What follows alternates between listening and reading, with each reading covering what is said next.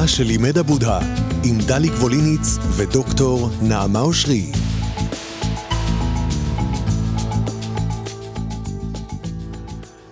שלום דוקטור אושרי, הכל בסדר? לקחת את הפצעי הבוקר, למה אתה שואל אותי ככה שאלות כזה קשה? טוב, חברות וחברים, ברוכים הבאים למסע השישי שלנו, בעקבות uh, מה שלימד הבודה, ואנחנו uh, נזכיר שוב, אנחנו מדברים על הדרך uh, כפולת השמונה, ואנחנו uh, עדיין עם uh, דיבור uh, נכון, וכדרכנו, או שלא כדרכנו, נפתח בסיפור, למה? בטח. סיפור אמיתי, אותו לא שמעתי אתמול, אותו שמעתי שלשום. אז הסיפור הולך ככה, זה סיפור של אישה ממשפחה עשירה מאוד בפולין, סיפור אמיתי, אמיתי לגמרי, עשירה מאוד בפולין, ובשואה הושמדו כל בני משפחתה, והיא עלתה ארצה לבדה, ללא הורים, ללא אחים, ללא איש בעולם. אלא שאז, את, לא, את עוד לא, אני חושב שלא זוכרת את זה, אבל כשאני הייתי ילד, היה המדור לחיפוש קרובים, חיפשו כן. כל הזמן uh, קרובים, היה משהו נורא עצוב, ומדי פעם משמח, כי היא נמצאה, היא מצאה בדודה, היא מגלה שיש לה בדודה. Mm. והבדודה הזאת הופכת להיות מרכז חייה, הן מתחברות, הן מתחברות, והיא היא, היא, ממש דמות מרכזית, והיא אוהבות מאוד אחד את השנייה. והימים חולפים, ואותה אישה שומעת שיש אפשרות לתבוע את הבית של המשפחה שלה בפולין. והיא לוקחת עורך דין, והוא הולך ותובע את הבית, ואז אומרים לו שם בפולין שמישהו כבר מכר את הבית. מישהו כבר עשה את כל העסקה הזאת. והיא מבקשת ממנו לבדוק מי, איך מישהו יכול למכור את הבית שלה, ואז מסתבר שזו הבת דודה. כאן הנקודה הראשונה בסיפור שלנו, משום שהאינסטינקט שלנו, גם עכשיו כשומעי הסיפור, זה כעס מאוד מאוד אה, גדול. אנחנו מצפים שעכשיו היא תבוא לבת דודה ותגיד לה בדיוק מה היא חושבת עליה, ואיך היא פגעה בכל מה שהם יצרו ביחד כל השנים, אבל לא. האישה הזאת לא דיברה על זה עם הבדודה לעולם. Mm. עד יום מותה, עד מות שתיהן. היא פשוט לא דיברה על זה. ולאן אתה לוקח את הדבר הזה? אני, אני, אני אני לפעמים, אני ככה, סליחה שבצד הפרקטי, אתה יודע, האם, האם בטווח האמת, דיברנו בפעם שעברה על מה אמיתי, איך למשל היה הסיפור הזה, אילו בדודה עשתה את זה עוד לפני שהיא בכלל מצאה את המדור לחיפוש קרובים? יכול להיות שזה מהלך שהיה קודם. אה, תשים לב שבכל הגשה של אינפורמציה, אנחנו כבר מארגנים את הסיפור ככה שאנחנו... אה, אומנות הסיפור הטוב. האינפורמציה היא, היא בדוקה, היא חלק, המספרת היא חלק מה, מהמקורבים, mm-hmm. והיא עשתה את זה תוך אחרי. כדי חברות. Mm-hmm. תוך כדי חברות. כן. אתה שואל בעצם על uh, מהלך שהוא מהלך בוגדני, נקרא לו ככה, או הפניית uh, גב, או עורף, או סכין בגב, כל מיני דברים שאנחנו uh, יודעים שקורים בין אנשים שהם קרובים מאוד אחד אל השני. דרך אגב, השיא של זה, זה למשל אנשים שהיו נשואים ואחר כך מגיעים להתגרש. אתה לא מאמין שפעם האנשים האלה באו אחד אל השני בכזאת, כי, כי אתה שומע דברים ש... מאיפה זה בא? כמות השנאה, או כמות האיבה, או כמות הלכלוך, כן? אתה שואל על, על הדבר הזה, אה, איזה מין דיבור יש שם. אה, מעניין אותי מה אתה חושב על הסיפור. זה לא הסיפור שלנו, למה? אין פה, זה לא הסיפור שלנו. הסיפור שלנו זה באמת סיפור של בגידה. כן. לא קשורה לאיבה, לתאוות בצע. כן. וסיפור... לא, בגידה ש... גם של... הם הרגישו שהם... יש איזושהי אחווה. אני חושב שאתה, או לפי איך שהבנתי אותך, היא הייתה מצפה לזה שאתה מספרת לה ואומרת לה, תראי, יש ככה, אולי יש לך חלק. כלומר, יש פה משהו שהוא הלך בניגוד לציפיות שלה. הדבר המדהים הוא ההכלה. ההכלה של, ההכלה שלה את הסיפור הזה, mm. ו, ובעצם היא הלכה, אני מתאר לעצמי ש... היא עשתה את זה כי החברות הייתה חשובה לה. זאת אומרת, היא הייתה המשפחה היחידה שלה עלי אדמות, וזה היה נורא חשוב לה, והשאלה היא, מחיר האמת. אולי את זה מה שאנחנו אומרים, כשאנחנו מדברים על, על, דיבור נכון ועל כן. סעיפיו וסעיפי סעיפיו, מחיר, מחיר האמת, במקרה הזה, הסתרת האמת. אז, אז זהו, שאני חושבת, אני, אני, הכל ספקולציות, אנחנו רק מתרגלים את התשומת לב שלנו, אבל אני חושבת איך זה לקיים חברות אמת כשאת יודעת משהו כזה וזה לא מונח וזה לא נפתח. כמה אמת יש בחברות הזאת. אני חושבת שאתה מתאר פה מצב של אה, אולי כוחניות, אני לא יודעת, אה, משהו שהוא לא סימטרי, משהו שהוא לא פתוח ולא... יכולה הייתה אותה אישה, שוב, אנחנו קצת מתרחקים, ואני גם רוצה להיות לא שיפוטית, לומר, אה, כואב לי מה שעשית. אני, אני לא רוצה לעשות איזשהם מהלכים משפטיים או משהו כזה, כי היא באמת לא עשתה, אבל האם אי אפשר לדבר על המהלך הזה ולדבר על הכאב שיש בתוך המהלך הזה? אני חושבת שנצירת הלשון, וזה דיברנו עליו בתוכנית הקודמת, נצירת הלשון, או המחויבות לא לדבר, היא לא בהכרח פותרת משהו, כי אני, אני בטוחה שזה, או אני משערת, לא בטוחה בכלום, אבל אני משערת שזה הפריע לה גם מבפנים. תאר לעצמך שאתה חי עם מישהו שיש משהו שאתה נושא כנגדו, או חושב מולו, ואתה מחשיב את עצמך כאדם קרוב, ואתה לא יכול לשים את זה ביניכם, מה זה אומר על הקשר ביניכם. הייתי רוצה לראות את הדבר הזה קורה, שמישהי אחת אומרת, תשמעי, עשיתי כאן מעשה כזה וכזה, או בשיחה, אמ, הוא יכול להיות שזה היה מעשה, אמ, לא יודעת, לא מתחשב מצידי, אבל אני רוצה לספר לך עליו, או באיזשהו אופן, אני, אולי אני אומרת דברים תמימים, אבל אם הן קרובות, אני חושבת שלהיות קרוב ולנצור איזושהי ידיעה מתסכלת ומייסרת, אה, הייתי שמה שם סימן שאלה גדול על העניין של קרוב, בשבילי לפחות. כן. ואני מקווה מאוד מאוד שאני לא שיפוטית, כי אני מרגישה איזו נטייה שיפוטיות בתוך הדברים שלי. אה, אני, אני הייתי רוצה שזה יהיה המצב, ואני גם רוצה להחזיר את זה לא רק לדודות מפולין, אה, משהו שדיברנו עליו בפעם הקודמת, וזה גם מתקשר למה שאנחנו מדברים עכשיו. מה מועיל בתוך סיטואציה? האם השתיקה הזאת היא שתיקה שמועילה? מצד אחד כן, כי היא לא פתחה את הדברים, והיא לא אה, הלבינה את פניה של הבת דודה או דודה הזאת. אה, זה היה הקץ, אני מבין כן. שהמחיר הוא הקץ לחברות, זה לא, לא יכולה להימשך. אחרי שהסיפור הזה נפתח, לא זה בטוח, לא יכול. לא בטוח. מה שאני...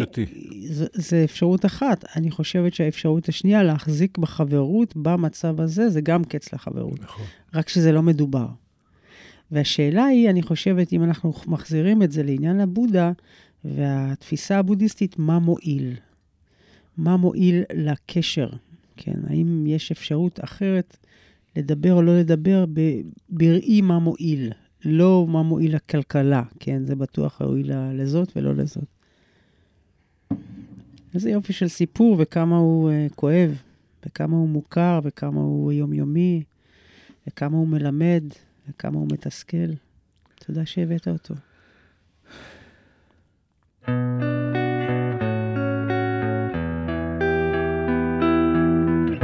באמצע הלילה אני מתעורר, הלב מלא.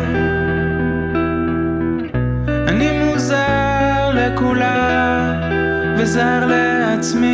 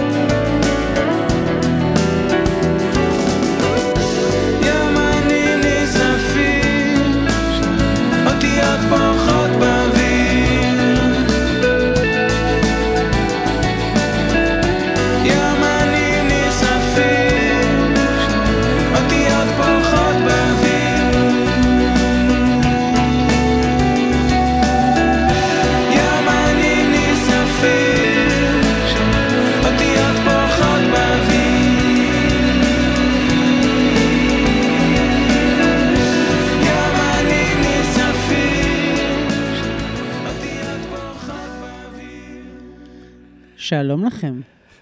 איך הדיבור שלי? שלום לך, נעמה, מעולה. נכון. מעולה, מעולה, מעולה. קשה לי אה, הדליק. תקשיבי, אני חושב סיפורים מהחיים, אבל um, יש את חוכמת זן, או 101 סיפורי זן, ויש שם, um, היה חכם זן ראשון שבא לאמריקה, קראו לו סואן שקו, והוא אמר, ליבי בוער כאש, אך עיניי קרות כאפר מת. והוא קבע את הכללים הבאים שאותם הוא מקיים מדי יום ביומו כל חייו. בטרם לבשת בגדיך בבוקר, העלה קטורת והתבונן. עשה שעת פרישתך קבע, קבע, קבע עתים לאכילה, אכול במתינות, לעולם, לעולם לא עד כדי שובעה. יהא מנהגך בשעת קבלת אורחים כמנהגך ביחידות, ויהא מנהגך ביחידות כמנהגך בשעת קבלת אורחים. שמור מוצא פיך, הנה אנחנו מתקרבים לנושאנו, שמור מוצא פיך, וקיים כל, את כל היוצא מפיך. שמור מוצא פיך וקיים את כל היוצא מפיך. אל תחמיץ כל הזדמנות, ועם זאת חשוב פעמיים לפני כל פעולה. אל תבכה על לשעבר, שא עיניך אל העתיד. היה עז כגיבור ובעלב אוהב כילד. בלכתך לישון, הרדם כאדם הנכנס לשנתו. האחרונה. בקומך, עזוב את מיטתך מיד, כאדם המסלק מעל פניו זוג נעליים בלוט. איזה יופי. פרקי אבות ממש. כן, לגמרי, אימהות. לגמרי, לגמרי. ואני חושבת שאם קוראים את זה ברוח הנכונה ולא הרוח המצווה, אז נגיד אפשר לחזור על הדברים שאמרת, כן. שמור ושים מוצא לב, פיך וקיים את כל היוצא שים מפיך. לב שים למוצא פיך. כלומר, איך אנחנו הופכים את הציווי לתרגול. זה בכלל מאוד מאוד יפה. אם אנחנו לוקחים את התורה הבודהיסטית אה, במובן הרך יותר, היא בעצם תרגול, שים לב ש, שים לב ל, שים לב ב. אה, שים את הלב, שים את הלב בדברים, ואז הדיבור הוא דיבור של הלב. אתה יודע, הלב הוא המקום באמת של ההקשבה העמוקה, שזה הצד השני של הדיבור. כשאומרים הרבה פעמים, שים לב, שים את הלב, ואתה מגיע לתשומת לב. תשומת לב היא כן, מפתח לכל. hopefully, hopefully. אמ, אז אני רוצה ככה, בשם הדברים שדיברנו עליהם, להזכיר גם את העניין הזה של אמ, הפרט השני, או האלמנט השני, באמת העניין שזה מועיל. דיבור מועיל. הזכרנו את זה כבר בעבר, אבל אולי לתת על זה קצת יותר מושקל. וכשאנחנו מדברים על מועיל, האם הדיבור הוא לא רק אמיתי, כן, הוא אמיתי, בדקתי, בדקתי שזה בחושים, בדקתי, ראיתי וכולי וכולי, ואני לא משקרת וכך הלאה, וזה מועיל. ואז השאלה היא, מועיל למי? כי המילה מועיל כשלעצמה יכולה להיות מאוד, לי זה מועיל. לי זה מועיל. אמרתי לו את כל מה שאני חושבת. בדקתי, זה נכון, ואמרתי את זה, ואתה יודע, אני לא מדברת על מחמאות כאן, אנחנו... או אפילו דבר ביקורת, שזה דבר נורא מעניין, כי אנשים נותנים לעצ... ביקורת במובן של בוס לעובד, כן? איך אני אומר לו את הדבר הזה, וזה הועיל, כן? שידע איך לעבוד. או כהורה לילדים. בחז"ל באיזשהו מקום אמרו דווקא, היה התייחסות לביקורת מאוד יפה, אמרו, ביקורת זה מלשון בוקר. כן, או אור, ביקור בית. להאיר, את- אתה מאיר את כן. המקומות הבעייתיים. כן. או, כן. אבל זה אמיתי, והאם זה מועיל? האם ביקורת, למשל, או ביקורת נוקבת, כן, הדברים מהסוג הזה, שהם גם אמיתיים, אבל האם זה מועיל לצד השני לקבל אותם? איך מרגיש מישהו שמבקרים אותו שוב ושוב ושוב? ושוב, אם אנחנו מפנים את העניין של um, התרגול בדיבור נכון כתרגול חי, השאלה היא, מו- מועיל, זה מועיל גם לי וגם לצד האחר באופן אה, מדויק. לא מספיק שזה יהיה מועיל לאחד הצדדים. וזה הולך גם להתחשבות ב... אה, למשל, אה, האם תגיד לילד בן ארבע, אה, שזה אמיתי, שאמו או אביו חולים מאוד? האם זה מועיל לא לדעת? כלומר, אתה בעצם מפנה את הקשב החוצה, ואתה אומר, כשהדברים האלה יוצאים ממני, איך הם יתקבלו גם בצד השני? אה, האם אני יכולה לומר את הדברים שהם יהיו עם מינון מאוד גבוה, הרבה מאוד אינפורמציה, גם הרבה סביב מחלה. אה, תיכנס לגוגל, תמצא כל מיני דיבורים כאלה וכאלה וכאלה וכאלה. האם המינון הזה של הדיבור הוא דבר שהוא מועיל, כן? אה, האם, האם למשל מועיל לי אה, לשמוע את הדברים האלה ב, במרחב מסוים? האם אין מה זאת מרחב... אומרת? אה, הלבנת פנים. אני רוצה להגיד לך משהו, אבל עומד לידך קולגה, כן, האם זה מועיל גם... מועיל במובן מתחשב. אומרת, זה... שים לב שפעולה קטנה, וזה מה שאני רוצה להגיד בהרבה מילים, בהצלחה או כלשהי, זה שפעולה קטנה של הוצאת הגה מפה, היא פעולה מדיטטיבית בעולם, אוקיי? היא הטבעה, היא הטבעה של משהו בעולם, היא תדר קיום. וכדאי לשים לזה לב אה, בדבר הזה. נזכיר את הדימוי שהזכרנו בפעם הקודמת, שהפה הוא נדן, כן. הלשון היא חרב, כן. once הפעלת אותה, הוצאת את החרב, ומי יודע מי ייפגע ממנה. כן, ו- וצריך להזכיר כאן, אני חושבת, גם את תיך נתן והקהילה שלו, והוא מקדיש לדיבור הרבה מאוד מתוך ההיבט הקהילתי. כלומר, הדיבור הוא חייב באמת להיות מכוון גם לכנות, אבל גם ל... הוא אומר, אני אף פעם לא מדבר דיבור בין שני בני זוג, שרה אחד בשני. אני לא מפלג, אני לא מסכסך, אני מתרגל את ההרמוניה הזאת גם בתוך קושי, וזה דבר מאוד מאוד קשה, אה, קשה לשאתו, ואני חושבת שזה תרגול נורא חשוב לנו. אה, שוב, גם בתוך המשפחה, אה, הרבה פעמים הילדים מוצאים פרצה בין אבא ואימא, ויודעים את, ה, את המקומות ה, שאפשר לדרוך כדי להצית את, את הדבר הזה, כן? אז אם הדיבור שלנו, יש לו את היסוד הזה שהוא מכיל, הוא מחבר, הוא מפרגן, הוא תומך, הוא מעודד, הוא מאחד, ויחד עם זה הוא כן, כן? יש פה מתח כזה שלפעמים אי אפשר לשאת אותו. ואת ברשות עצמך מכאן והלאה, לטוב וגם לרע, לרע כמו לטוב.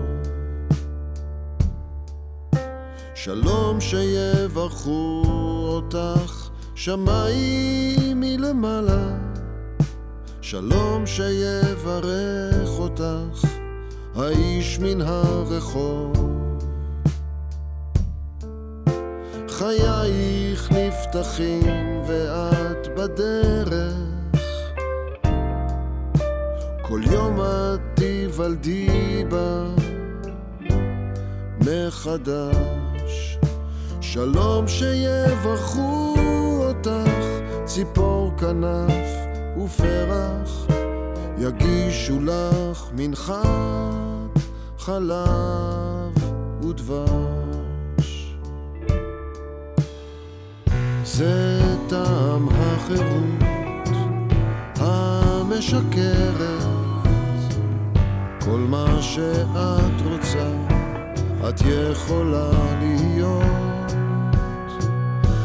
את ברשות עצמך ואת בוחרת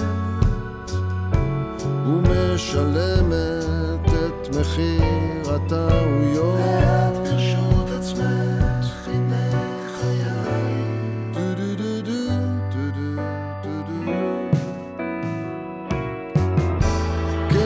ברשות עצמך, הנה חייך,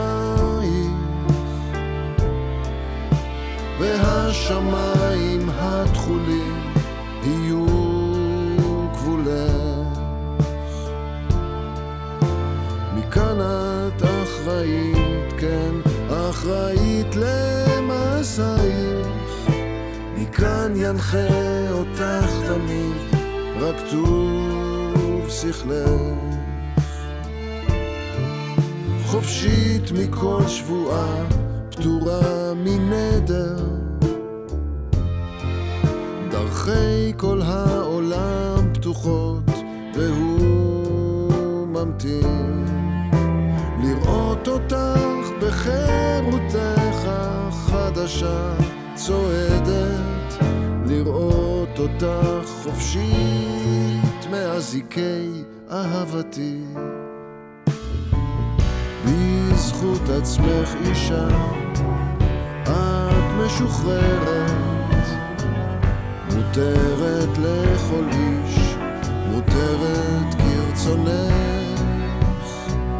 לא אף, לא אל, לא איש יורו לך דרך, עומדת את מכאן ברשות עצמך.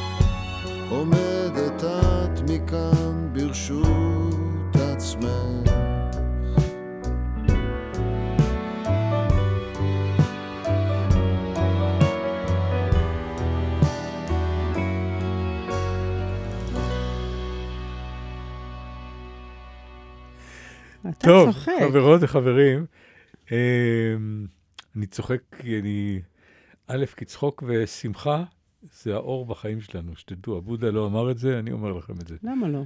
הבודה אמר את זה? בטוח יש את אמר. הבודה הצוחק, אני יודע שהוא, אה, שהוא אני חושבת ש... אה, טוב, כן. אה, כאילו זה ברור, לא? אז אנחנו הולכים עכשיו, אני רוצה להשמיע אתכם משהו מתוך האביי הסוטה, או סוטרה, ולפני זה נעמה תסביר לנו מה זה בעצם סוטרה, למה אנחנו קוראים סוטרה. סוטרה זה בעצם חוט, חוט של חוכמה. אה, אפשר, ל...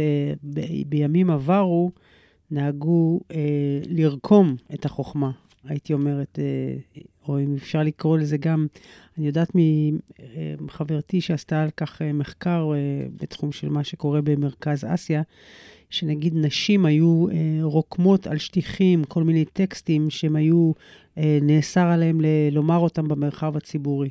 אז יש קשר בין טקסט, דרך אגב, טקסט וטקסטיל. טקסט, טקסטיל. טקסט וטקסטיל, זה לא המצאה שלי, כי טקסט היה אה, עבר באופן רקום, זו תרבות אוראלית של, של דיבור. אז זה, זה בא עם איזה תשמיש, זה בא עם איזה חוץ, זה בא עם איזה... ו, וסוטרה זה דרשה, או כתב קודש, או אה, אינפורמציה, או שיחות של הבודה. בקיצור ולעניין, זה ככה 30 שניות. ורק צריך לומר, אם אתה כבר שואל בעניין הזה, אז השיחות של הבודה, הבודה, יש אומרים שהוא בכלל לא ידע אה, לקרוא וכתוב. היה לו בן דוד, אפרופו הבת דודה של החברה שלך, בן דוד הוא שמו אננדה, שהוא הסתובב איתו ימים ארוכים ושנים ארוכות, והוא תלמיד נהג... הכי חשוב שלו, כן. כן, הוא נהג לש... לשנן, הוא בעצם ידע את כל מה שדיבר עליו הבודה, ומאות שנים אחרי הבודה, אמ, אני לא יודעת, 300, 400, 500 שנה, אה, הדבר הזה נאגד לכדי הקנון הפאלי, מה שנקרא הקנון הפאלי, אוסף הדרשות של הבודה, שעברו עד אז מפה לאוזן, ודרך אגב, הטבע שלהם הוא מאוד חזרתיות. רפיטטיבי, כן. בדיוק. כי כן. זו תרבות אוראלית, וזה דבר מאוד יפה לכשעצמו.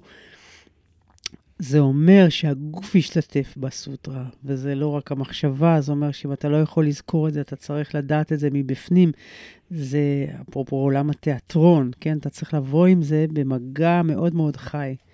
אז אני אומרת ככה באופן כללי, כי לקרוא את הסוטרות לפעמים אתה אומר, אוקיי, למה צריך לחזור על זה כל כך הרבה פעמים? אבל יש הבדל בין טקסט כתוב לטקסט מדובר, זה עולמות שונים, זה אינפורמציות שונות, זה... כן. אז הנה, ה... מתוך הבעיה הסוטה, באשר למה שאמרנו כאן, הנה הסיכום של הסוטה, של הסוטרה. באשר למילים אשר אתה תגעת יודע כי אינן עובדתיות, אינן אמיתיות, אינן מועיל, מועילות, או אינן מחוברות למטרה, אינן חביבות והן פוגעניות כלפי אחרים, הוא אינו אומר אותן. נכון. באשר למילים אשר אתה תגעת יודע כי הן עובדתיות, אמיתיות, אינן מועילות או אינן מחוברות למטרה, אינן חביבות והן פוגעניות כלפי אחרים, הוא אינו אומר אותן. באשר למילים אשר אתה תגעת יודע כי הן עובדתיות, אמיתיות, מועילות או מחוברות למטרה, אך אינן חביבות והן פוגעניות כלפי אחרים, הוא אינו אומר אותן. הטקסט הזה חוזר על עצמו שוב ושוב ושוב ושוב. הוא חש, הוא אומר בסוף, מתי הזמן הנכון להגין נכון. אותם. בדיוק. משום מה? משום שלתתגת יש סימפתיה לאשר בין החיים. למה? לאשר לאשר, החיים. לאשר באלף? כן. מהמם. לדעת הגתה יש סימפתיה מהמם. לאשר בין החיים, מעניין איך זה מתורגם וממה זה מתורגם. יש לו אבל- רגישות לזמן. האישור, כלומר, לה, לה, להביא את הדברים לכדי קיום. וזה בעצם האלמנט השלישי והאחרון, והוא גם מאוד מאוד מעניין. כלומר, אם זה אמיתי, סימן תביא, אם זה לא שקר, אם זה מעודן מספיק, אם בדקת את זה לכל הכיוונים וכולי וכולי, צ'ק. אם זה מועיל, כלומר לא פוגעני ומטפח ועדין ו- וכולי וכולי, צ'ק. יש צ'ק אחד אחרון. האם זה הזמן? האם זה הזמן? ובואו נסתכל רגע איזה אחד, בואו נפתח את זה.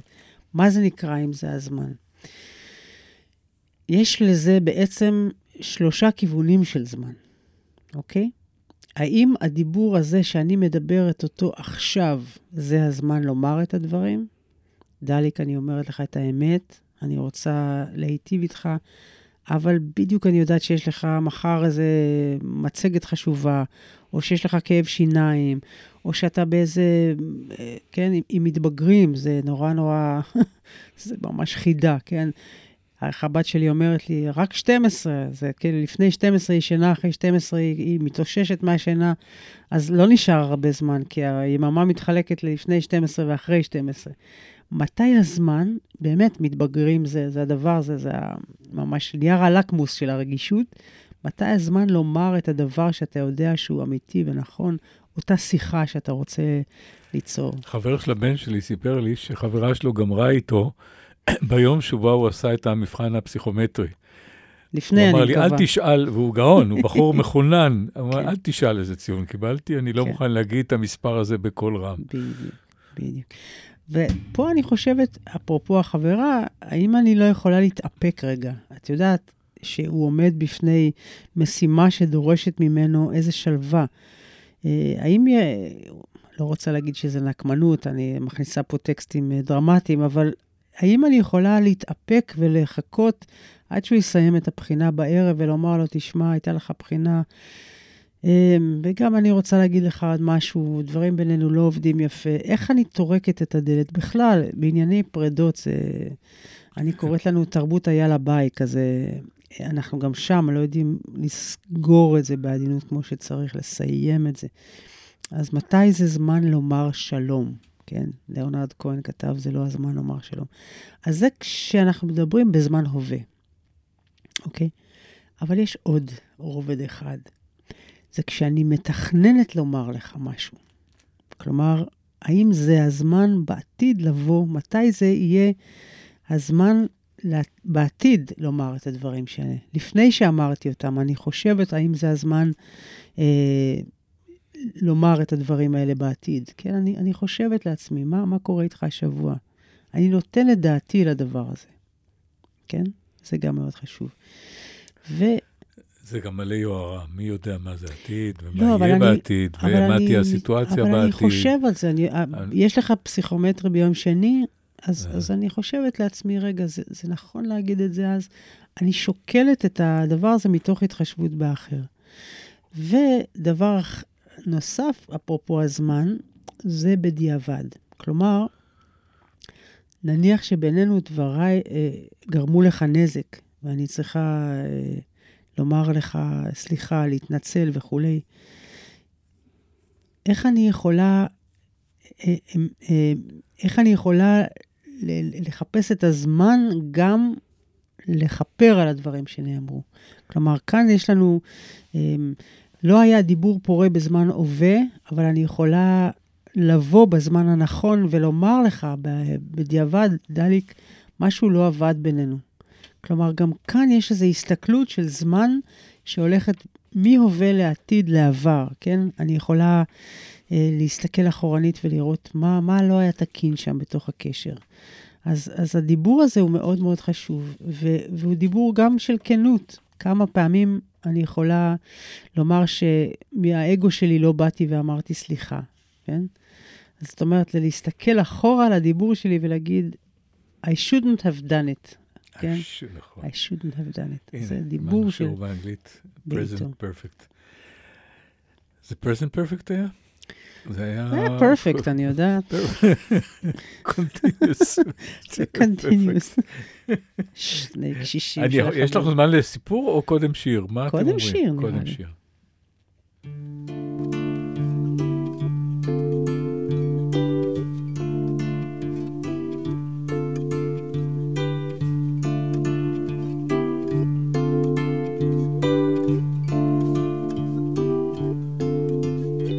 שקרים שקטים, שקרים קטנים, בתוך ליבנו ישנים.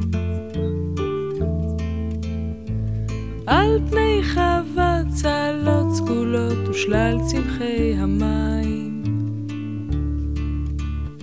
שתים הם הס על פני הזרם, שתים הם עצומי עיניים. שקרים שקטים, שקרים קטנים, בתוך ליבנו ישנים. ואור בהיר עולה וצף על פני החדר. אתה יודע מי אני, יודעת מי אתה. הכל בסדר,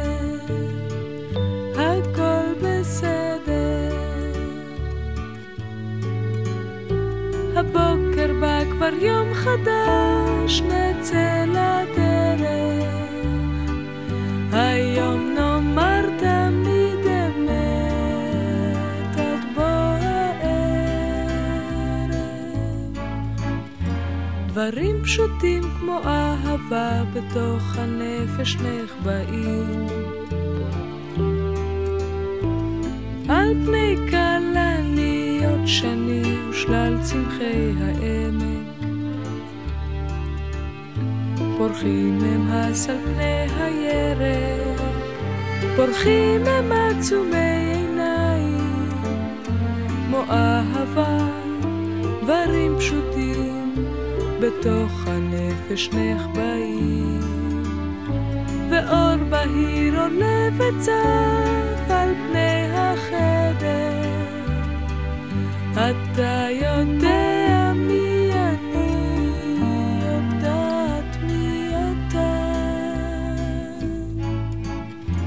la la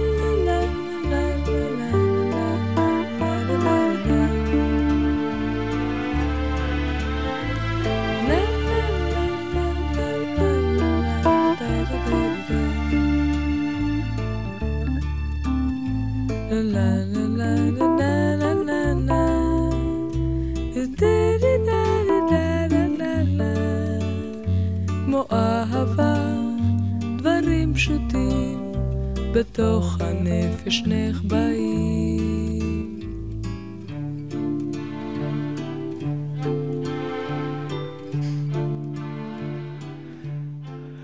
כמה יפה, טלי, איזה מוזיקה. טוב, בוא בוא נתחיל עוד פעם עם סיפור, את מרשה לי? ואם לא, אז מה? אז אני אעשה גם, אבל אנחנו, תהיה פה קונפליקט, יכול להיות שזה יכול להיות עוד יותר מעניין. קונפליקט דרמטי. דרמטי לחלוטין. אז יש ספר שוודאי אין אותו לאף אחד חוץ ממני, שנקרא הבריאה והמכנסיים, אה, של ז- זלמן שרר, שכן, את התגעגעתי אליו. התגעגעת אליו? את באמת זוכרת אותו. את באמת זוכרת אותו? בוודאי, אתה תמיד מביא אותו, ואז אתה תמיד אומר, יש לי ספר שלאף אחד אין.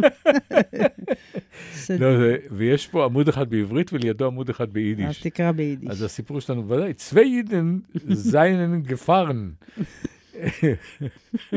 שני שני יהודים נסעו. נושא. אז מעשה בשני יהודים שעושים את דרכם ברכבת מוורשה ללודג'. אחד בגיל העמידה, סוחר עשיר על פי מראהו, ואחר צעיר לבוש בהידור מסוים. פונה הצעיר לחברו לנסיעה, "אה, יסלח לי אדון, אולי אתה מוכן להגיד לי מה השעה? לך לכל הרוחות, עונה הסוחר. למה זה אדוני עולב בי? אני רק שאלתי מה השעה. חייך הסוחר. ידידי הצעיר, אל נא באפך. הרי לו הייתי משיב לשאלתך, הייתה ודאי מתפתחת בינינו שיחת חולין. אתה יודע, תחילה על מזג אוויר, אחר כך על פוליטיקה, נושא גורר נושא, שנינו יהודים, אני גר בלודג', אתה לא, אבל אתה נוסע לשם, כלומר, לא נשאר לי אלא להזמין אותך לביתי, לארוחת צהריים, שם תפגוש את בתי, שהיא עלמה צעירה ויפה, וגם אתה, ידידי אלם נאה, תכירו, תתאהבו, ולא יעבור זמן ותבקש את ידה. למה לי כל הצרה הזאת? על כן מצאתי לנכון לשלוח אותך לכל הרוחות, כי לא השתגעתי לתת את ביתי למישהו שאין לו אפילו שעון. יפה. אבל כן. אה, את שיחתנו, את, אה, אה, אם תרצי, מדבר את שיחתנו. באיזה מובן? באיזה מובן? אה,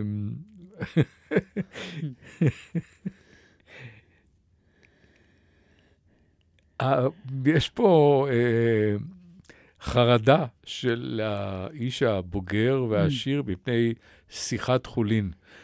שיחת חולין יכולה להוביל להרבה צרות. אתה, Mm. אתה משוחח, זה דברים שהם אה, לאו דווקא חשובים, ולאט לאט אתה מגיע למקומות שלא חפצת בכלל להיות בהם. זה כבר השיחה עצמה. ולכן, אם היו אבל- שותקים ברכבת, הכל יכול היה להיות, כי אין ספק שהוא יזמין אותו עכשיו. בתום השיח הזה הוא יזמין אותו הביתה, והם יתאהבו, והיא אה, תצטרך לחיות עם דלפון כל חייה. אבל יש פה עוד, אה, זה, זה הפחד מהחלל הריק שבשיחה, נגיד ככה, אבל יש גם את הדבר הזה שאם אנחנו חושבים עליו, אה, על האמת. כלומר, אה, אם ניקח את השיחה, אה, כמובן סיפור מאוד משעשע ומקסים, ועל הפפנצ'ה הזאת שיש לאיש הזה בראש, אבל האם באיזשהו נכון. שלב אה, הוא בודק את הדברים לאמיתם? זאת אומרת, אה, הוא, הוא בטוח שזה נכון. זה מתחיל להיות דיבור שהוא מסוכן, ובעצם אה, זה הולך יותר רחוק לקטע הזה שקראת של אה, אדיאשנטי, שאתה מתחיל לתת ערך אמת למחשבות שלך. שזה, אם ניקח איזה רגע מסיפור טיפשי לחיים, שזה עושה לנו צרות. ברגע שאתה מאמין לשטויות שיש לך בראש, ואתה לא אומר, רגע, אבל זאת מחשבה, ומחשבה מוליכה לך למחשבה, ו- וכל זה גם אתה שם בפניו של מישהו, כל זה, דרך אגב, גורם לך לדחות את האדם האחר, כי הוא הופך להיות איום, אה, אולי פיתוי, אבל זה נוצר כהבל הפה. זה... ומי שהיה במסעות הקודמים שלנו יודע שפה יש לי רפלקס מותנה. נעמה אמרה מחשבה, גוררת מחשבה, ואז אני מספר איך הייתה לי הערה בשיעור בודהיזם הראשון שלי, כשהמורה, זה לא היית את אז, שהמורה אמר לי, אה, אמר לכיתה כולה, חברים, המחשבות שלכם זה לא אתם. המחשבות שלכם זה לא אתם. ו... ואיך יודעים שהמחשבות שלכם לא אתם? כי המחשבה, מיד אחריה תבוא עוד אחת, ואחר כך עוד אחת. ואחר... פתאום באמת הרגשתי התעוררות. זה שהתעורר, הייתי לרגע, ואמרתי, הנה, נגמר הסבל בחיי. אם אני מבין, כל הסבל שלי בא ממחשבות, ואני עכשיו מבין שהמחשבה היא, היא, היא, היא הבעיה, אז אם אני מבין שהבעיה היא מחוצה לי, אז נגמרו הבעיות. כל זה מביא אותנו לעניין שאת, אה, כשהמוזיקה התנגנה, אמרת שאת רוצה לדבר בו, וזה ענייני השתיקה, אולי המדיטציה, עניינים כן. שבהם הם... אה, כן, אז, שב- ברגעים שבו אנחנו, ההפך מדיבור, כן. שותקים. אז אני חושבת שהצד השני של הדיבור הנכון, ש... שככה קצת אנחנו עסקנו בו במפגש הזה, במפגש הקודם, זה פרק מאוד עמוק, אני מאוד מאוד אוהבת את ה... אמרתי לך פעם, באחת השנים, הקדשתי לו שנת לימוד שלמה לעניין של דיבור, וגם היכולת שלנו לתרגל את זה, וזה זה מאוד חשוב לי להזכיר למאזינים, זה לא משהו שאתה שומע, ואתה אומר, מותר לי, אסור לי וכולי, לתרגל, לתרגל, לתרגל. אמ, אז הצד, יש שני צדדים נוספים לדבר הזה. האחד זה ההקשבה, מה שדיברנו קודם, על הלחי השנייה שאמרת שאתה מגיש. אה, דיבור, יש לו אה, צד מדבר וצד מקשיב, לכאורה שני צדדים של אה, אקטיבי ופסיבי, אבל זה יותר עמוק מזה, משום שההקשבה שלך, שהיא, שהיא באמת הקשבה מקסימה, אנחנו כבר בידידות עמוקה הרבה שנים, וההקשבה שלך מאפשרת לי לדבר. ההקשבה הזוגית שלנו, כלומר, כשאתה נותן לי מקום, בשתיקה שלך, שהיא לא שתיקה נאטמת, היא לא שתיקה סוגרת, היא לא שתיקה דוחקת, היא לא שתיקה מאיימת. יש בה איזו התפנות, יש בה איזה מרחב, ש... כן, החדר מתמלא, אני יכולה להיכנס, כן, יש כיסא ריק, אני יכולה לשבת, הבמה פנויה, במונחים האלה של הבמה. ההקשבה מחוללת את הדיבור. כלומר, זה לא שאחד מדבר והשני חייב להקשיב, אלא הקשבה פותחת את הדלת בפני גובה הדיבור. כי הרי אתה יכול לעמוד ככה קפוץ ידיים ולהסתכל עליי ולהגיד בלי מילים, טוב, מה יש לך להגיד? נכון? ולהמתין באיזה דריכות, והגוף כולו מדבר את הנוכחות הזאת, ואתה נותן לי מקום להגיד, כן? או, או היא להוא. דברי, דברי. כן. דברי, דברי, כן, אוקיי, כן. דברי, דברי, דברי. שומע, שומע. חצי גב, כן, שומע, שומע, אני, אני בדיוק סג, סגרתי את הפלאפון, אני איתך, אני, בסדר, שמעתי, אמרת את זה. ונותן מקום, אבל אפילו בלי להגיד את זה, הקשבה מכוננת דיבור. הקשבתך אה, אה, יוצרת אותי כמדבר. אתה מזמין אותי לגובה טקסט, אתה מזמין אותי לעומק טקסט, אתה מזמין אותי לומר את הדברים מהמקומות הפנימיים שבתוכי. וזה דבר נורא יפה. אה, ו- ואני חושבת שבתוך מערכות, שוב, מערכות אה, קרובות, אינטימיות, בתוך מערכות שיש בהן טעם וערך, אנחנו לא רק צריכים לתרגל או מוזמנים לתרגל את הדיבור הנכון, אלא אנחנו רוצים גם לתרגל את ההקשבה הנכונה. כמו ללכת אחורה, כמו ליצור את החלל הפנוי, כמו להזמין מישהו, זה כמו להזמין מישהו אליי הביתה. אז יש את המערכת הזאת של דיבור והקשבה כמו שמש וירח, של, של אחד מאיר ואחד עושה רפלקציה, אבל שניהם, שניהם עושים את אותה עבודה אלכימית. ויש את ההקשבה שבתוך הדיבור. כי כשאני מדברת אליך עכשיו, אנחנו מביטים בעיניים אחד של השני, זה קורה עכשיו, כן? קורה הדבר הזה בינינו. אני לא רק קשובה לך שאתה מאפשר לי, אני גם מבקשת להיות קשובה לי, האם אני אה, רואה אותך? האם אני מתחשבת בך כמקשיב? ולכן יש את ההקשבה בתוך הדיבור, ויש את ההקשבה אל הדיבור, ויש את הדיבור בתוך ההקשבה. כי עכשיו אתה מקשיב, אבל בתוכך אתה גם מהרהר על דברים שאני אומרת. אני רואה עכשיו העיניים שלך זזות, אומר, יש לי איזה סיפור להגיד על משהו, אה? לא, לא, לא, אני, אני חשבתי על זה שהאם אפשר, האם, האם התרגול צריך להיות אה, רק כשאתה עם מישהו או מישהי, או שהתרגול יכול להיות גם כשאתה לבד. האם, זאת קש, המדיטציה. האם קשב פתוח כן.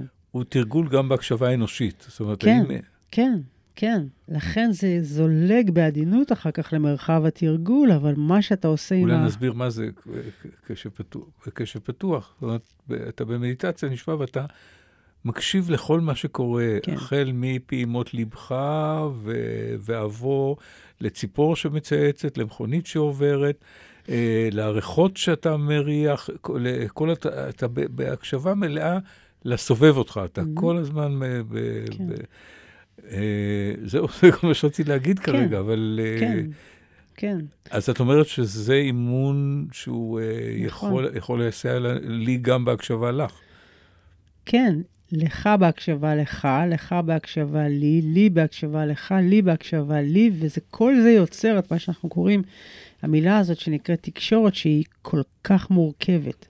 אני חושבת שלך באופן אישי, דליק, אה, וגם, וזה גם עוזר לי בתור מישהו ש, שרוקד איתך עכשיו בקטע הזה, וגם האהבה שלך לה, להקשיב לאנשים לאורך כל כך הרבה שנים, יש לך את הטבע הזה.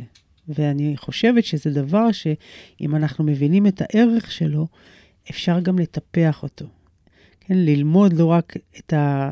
אמ, את תשומת הלב לשים על הדיבור הנכון, איזה דיבור אני מוציא החוצה, אלא איזה הקשבה מדיטטיבית, נוכחת, אה, שיפוטית או לא שיפוטית, אה, מתנפלת או לא מתנפלת, אה, נותנת מקום או לא. את הדבר הזה אפשר גם ללמוד, וזה דבר נורא נורא משמעותי. תראי, קשה לי נורא, עוד פעם, את, זה סוג של מחמאות שאת מעתירה עליי, הקשבה בעיניי אני זה מחמאה. מתחנפת. אה, כן, כן, אבל, לא, אבל סתם. אני חושב, באמת, אני באמת, חושב, באמת לא, אבל. אני חושב שיש משהו בטסטוסטרון, בגבריות, שמפריע לי בהקשבה, כי בעיקר אם את מעלה באוזניי אה, משהו שמציק לך. כי הנטייה, אני עושה הכללה, אבל הנטייה הגברית היא, אני חייב לפתור את זה עכשיו, אני מהמם. חייב איזה, יש לך אה, כאב, אני מכיר, אה, אני מכיר רופא מצוין ואני עוזר, אני מציע, את הולכת אליו ואת פותרת את זה, או פסיכולוג אה, מופלא, או היה לי את זה ואני אה, עשיתי עם הילד שלי ככה וככה והדברים נפתרו. הרצון לפתור את זה עכשיו אה, ומיד. כן, אז הנה הבאתי לך משהו שיעזור לך בהקלה על הכאבים, משהו שאפשר לסיים איתו את העניין, כי זה באמת נורא נורא משמעותי, ובטח בין זוגות, כי הנטייה שלנו לעזור, והיא טסטוסטרונית, אבל גם לנו הנשים יש את הטסטוסטרון הזה. כאשר אני מבקש אותך להקשיב לי, ואת מתחילה לייעץ לי, לא עת שביקשתי חסית. זה, עכשיו תקרא את זה בלשון נקבה. כן. כאשר אני מבקשת אותך להקשיב לי, כן. ואתה מתחיל לייעץ לי, לא את שביקשתיך עשית. כן. כשאני מבקש ממך להקשיב ואתה מנסה להשיב, אין צורך להדגיש ומדוע אתה ברגשותיי רק פוגע. כשאני מבקש, מבקשת, זה, עכשיו זה הפך לי ללשון זכר? לא, זה... כשאני מבקשת אותך להקשיב לי ואתה מרגיש שעליך לפתור את בעייתי, אתה מאכזב אותי, אפילו שזה ממש לא הגיוני. הקשב, כל שביקשתיך הוא להקשיב, לא לפעול, לא לדבר, רק לשמוע, בלי להגיב. אני יכולה לדאוג לעצמי. אני אינני חסרת ישע. אולי חסרת ניסיון והססנית, אבל לא חסרת אונים. כשאתה עושה משהו למעני שאני יכולה לעשות בעצמי, אתה מגביר את חששותיי, מנציח את מבוכתי. אולם כשמקבל אתה כעובדה שאני מרגישה מה שאני מרגישה, אפילו אם זה לא הגיוני, אזי אני לא צריכה לשכנע אותך ומתפנה להבין את המתרחש בנפשי. מוצאת בעצמי את התשובות מתוכי. אז צצות מאליהן התשובות, ברורות ונהירות, ואיני זקוקה כלל לעדות, כי אני, אני. גם רגשות לא הגיוניים הופכים למשמעותיים כשמבינים את מה שהם טומנים, את המקום שממנו הם נובעים. ייתכן שלכן תפילות עוזרות לאנשים, משום שאלוהים מחריש. הוא אינו מייעץ, הוא אינו מארגן, אלוהים רק מקשיב, ונותן לך, לך לחשוב על הדברים. לכן אנא רק הקשב.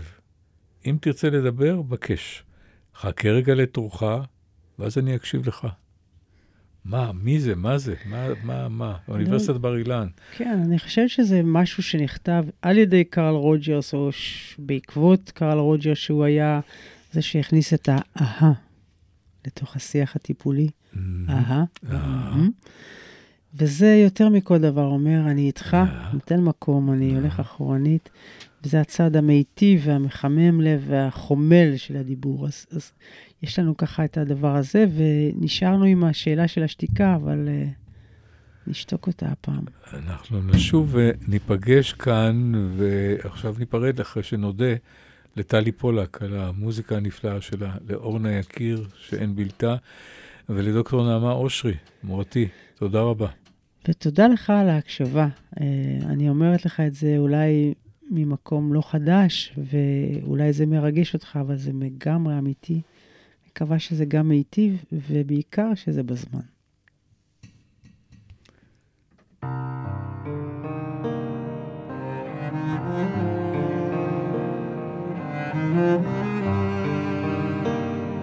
שיר לי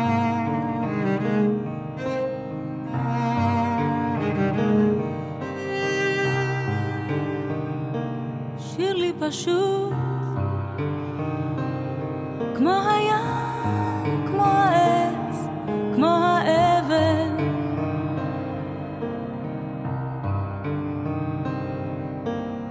שיר לי פשוט, כמו הים,